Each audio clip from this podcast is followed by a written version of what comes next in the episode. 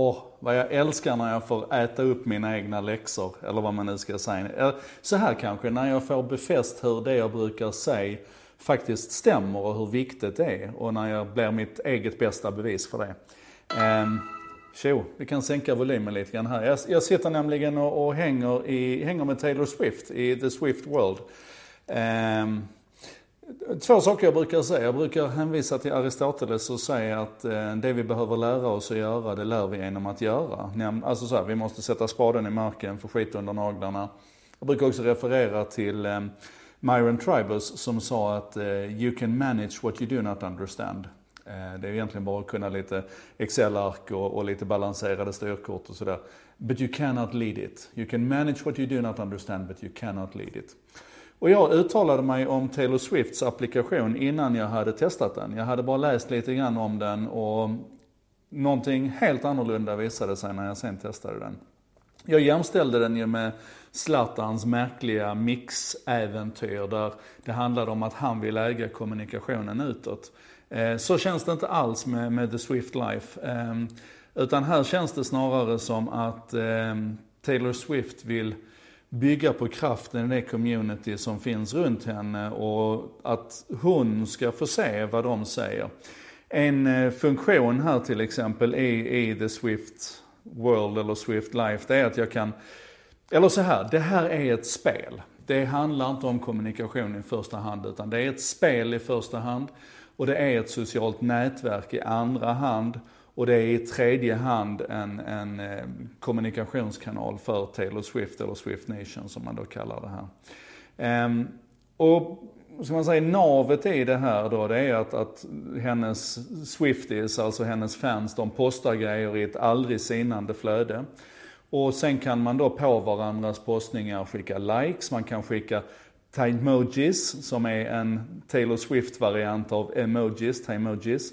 Man kan också Swift-sända dem och det betyder att man, man, ju fler Swift-sänd en post får, ju större är sannolikheten och chansen att Taylor Swift och hennes gäng faktiskt får se den här posten och kan svara på den och kan agera på den och sådär.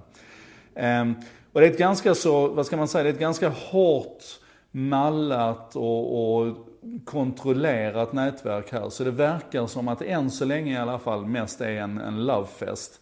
Eh, jag har kunnat se ganska många poster med, med Swifties som säger att och det här är liksom, jag gillar inte några andra sociala medier och sociala nätverk för det är så mycket haters.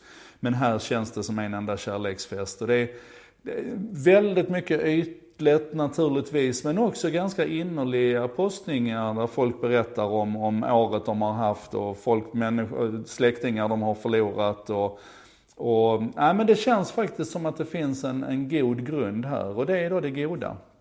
Det onda med det här är att det är ett spel. Vilket betyder att jag kan tänka mig att de som kanske inte är lika, eh, lika oswiftiga som jag, har väldigt lätt att fastna här. Det finns incitament här som gör att man ska klicka en massa, man ska dela en massa, man ska likea en massa, man ska reshare en massa. Och det blir lätt att man, att man gamifierar den delen av sociala nätverk som vi ser lite grann av på Facebook. Men jag lovar, det är en mild västanfläkt mot hur, hur spelifierat det är i, ehm, i Taylor Swifts värld, The Swift Life. Eh, det finns också möjlighet att köpa sig till en hel del effekt i det här spelet som vi då får kalla det. Ehm, och det är inte så vackert. Men alltså summa summarum, vad jag egentligen tycker är lärdomen här, det är just den här, det här elementet av att, att inte egentligen uttala sig och döma och ha synpunkter innan man har testat någonting på riktigt. Och det är liksom, det är samma sak som när jag blir allergisk mot folk som säger att nej men jag har aldrig haft ett Facebook-konto för det finns ingenting för mig där. Nej men hur vet du det om du inte har testat? Um, Ja, lesson learned. Och, och jag ber om ursäkt då till alla Swifties där ute att jag, att jag dissade Eh, The Swift Life. Jag är nog fortfarande beredd att dissa den, för som sagt det är väldigt gamifierat. Det känns som att man utnyttjar alla, alla svaga punkter hos de här swiftisarna. Men det kan också bli något bra och vackert.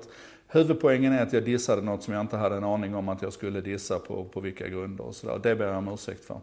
Ehm, så, vidare.